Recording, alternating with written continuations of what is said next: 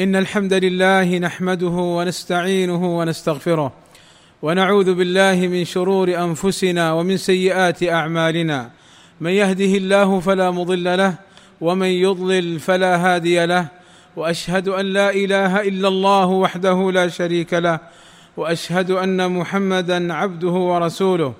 ألا وإن أصدق الكلام كلام الله وخير الهدى هدى محمد. وشر الأمور محدثاتها وكل محدثة بدعة وكل بدعة ضلالة وكل ضلالة في النار. أما بعد فاتقوا الله عباد الله وراقبوه في سركم وجهركم وأخلصوا أعمالكم لله وحده لا شريك له على ما جاء به النبي صلى الله عليه وسلم وكان عليه الصحابة الكرام. عباد الله إن للجوار في الإسلام منزلة عظيمة ومكانة رفيعة. قال الله عز وجل واعبدوا الله ولا تشركوا به شيئا وبالوالدين إحسانا وبذي القربى واليتامى والمساكين والجار ذي القربى والجار الجنب والصاحب بالجنب وابن السبيل وما ملكت أيمانكم إن الله لا يحب من كان مختالا فخورا والجار ذو القربى ما كانت بينك وبينه قرابة والجار الجنب الذي ليس بينك وبينه قرابة. ومع كثرة الأحاديث الواردة في حقوق الجار إن إلا أننا نرى بعضا من المسلمين هدانا الله وإياهم للصواب لا يعملون بها بل لا يعلمونها بل يخالفونها وهم لا يعلمون ولا حول ولا قوة إلا بالله. والمعتبر في الجار القرب من الدار. فعن عائشة رضي الله عنها أم المؤمنين قالت قلت يا رسول الله إن لي جارين فإلى أيهما أهدي؟ فقال عليه الصلاة والسلام إلى أقربهما منك بابا.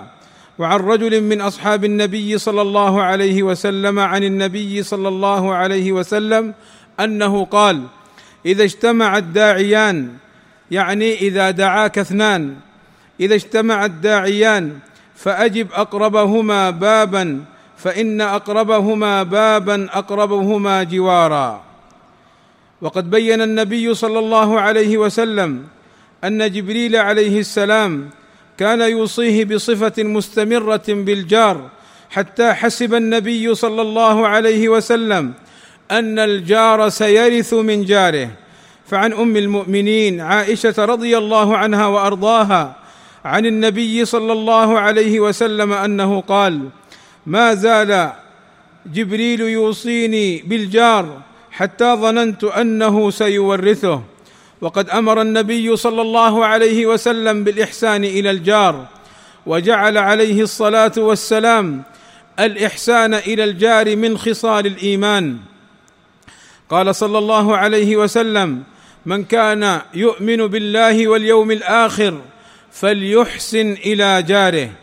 وبين النبي صلى الله عليه وسلم أن خير الجيران عند الله خيرهم لجاره. قال صلى الله عليه وسلم خير الأصحاب عند الله خيرهم لصاحبه وخير الجيران عند الله خيرهم لجاره. وبين النبي صلى الله عليه وسلم أن المسلم بحق هو من يحسن الجوار ولا يسيء إلى جاره. فعن أبي هريرة رضي الله عنه قال قال رسول الله صلى الله عليه وسلم يا أبا هريرة أحسن جوار من جاورك تكن مسلما. وأخبر النبي صلى الله عليه وسلم أن حسن الجوار يزيد في الرزق والعمر. فعن عائشة رضي الله عنها أن النبي صلى الله عليه وسلم قال لها صلة الرحم وحسن الجوار وحسن الخلق يعمران الديار ويزيدان في الأعمار. يعمران الديار أي يزيد رزقهم والرزق بالمال والولد والصحة والعافية ونحو ذلك. وقد حث النبي صلى الله عليه وسلم على إكثار المرق ليكون للجار من طعام جاره نصيب. فعن أبي ذر رضي الله عنه قال قال رسول الله صلى الله عليه وسلم يا أبا ذر إذا طبخت مرقة فأكثر ماءها وتعاهد جيرانك. والعلة في إكثار المرق التوسعة على الجيران. فعن أبي ذر رضي الله عنه قال أوصاني رسول الله صلى الله عليه وسلم قال إذا طبخت قدرا أن أكثر مرقتها فإنها أوسع للجيران. وقد نهى النبي صلى الله عليه وسلم المرأة المسلمة أن تستقل الهدية لجارتها ولو كانت مما لا تساوي شيئا في نظرها. قال صلى الله عليه وسلم يا نساء المسلمات لا تحقرن جارة لجارتها ولو فرس نشاه والفرس هو عظم قليل اللحم وهو للبعير موضع الحافر للفرس ويطلق على الشاه. قال أهل العلم أي لا تمنع جارة من الهدية لجارتها الموجوده عندها لاستقلاله بل ينبغي أن تجود لها بما تيسر وإن كان قليلا فهو خير من العدم. وفي الحديث الحض على التهادي ولو باليسير لأن الكثير قد لا يتيسر كل الوقت وإذا تواصل اليسير صار كثيرا وفيه استحباب المودة وإسقاط الكلفة. وقال النبي صلى الله عليه وسلم يا نساء المؤمنات لا تحقرن امرأة منكن لجارتها ولو كراع شاة محرق والكراع هو ما دون الكعب من الشاة. وبين النبي صلى الله عليه وسلم أن الجار الأقرب بابا أولى بالهدية. فعن عائشة رضي الله عنها وأرضاها أنها قالت قلت يا رسول الله إن لي جارين فإلى أيهما أهدي؟ فقال صلى الله عليه وسلم إلى أقربهما منك بابا. قلت ومما ينبغي أن يراعيه حاجة الجار.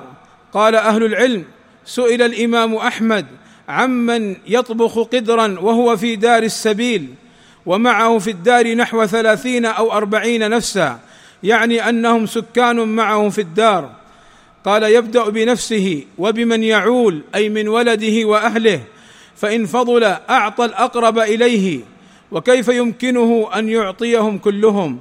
قيل للإمام أحمد لعل الذي هو جاره يتهاون بذلك القدر ليس له عنده موقع. يعني لا ينظر إلى الهدية أو لا ينظر إلى الطعام لغناه واستغناه. فرأى أنه لا يبعث إليه أي يبعث للأبعد المحتاج إلى الطعام. والله أسأل لي ولكم التوفيق والسداد وحسن القصد والرشاد وأن يجعلنا من أولي الأبصار والاعتبار. الحمد لله والصلاة والسلام على رسول الله وعلى آله وصحبه ومن والاه.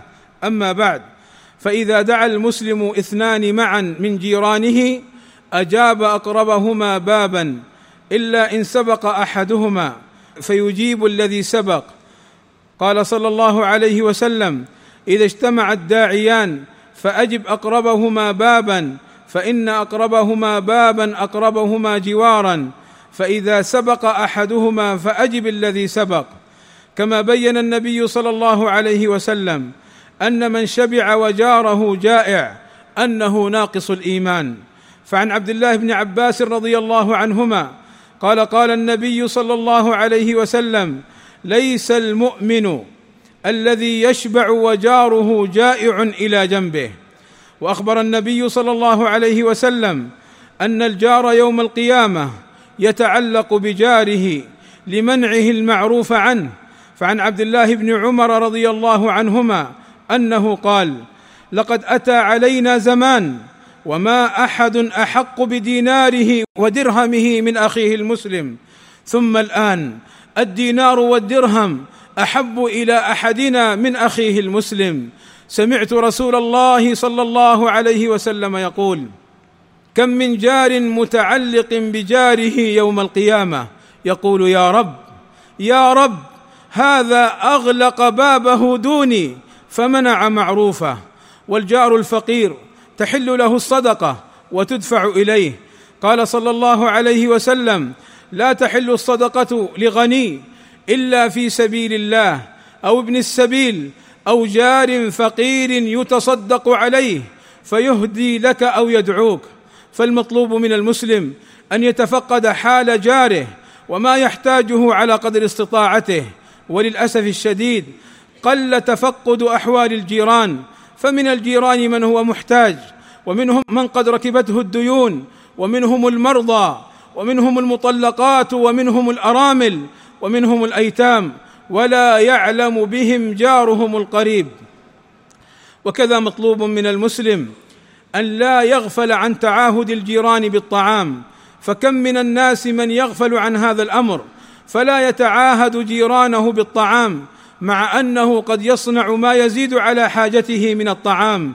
ثم يرمي باقيه مع أن من جيرانه من قد يبيت وعياله على الجوع. وقد بين النبي صلى الله عليه وسلم أن الجار الصالح من أسباب سعادة المرء المسلم قال صلى الله عليه وسلم من سعادة المرء المسلم المسكن الواسع والجار الصالح والمركب الهني.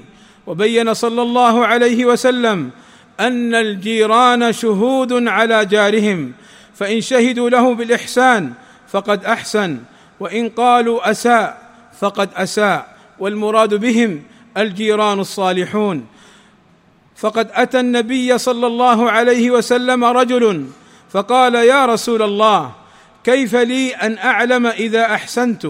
أني قد أحسنت وإذا أسأت أني قد أسأت.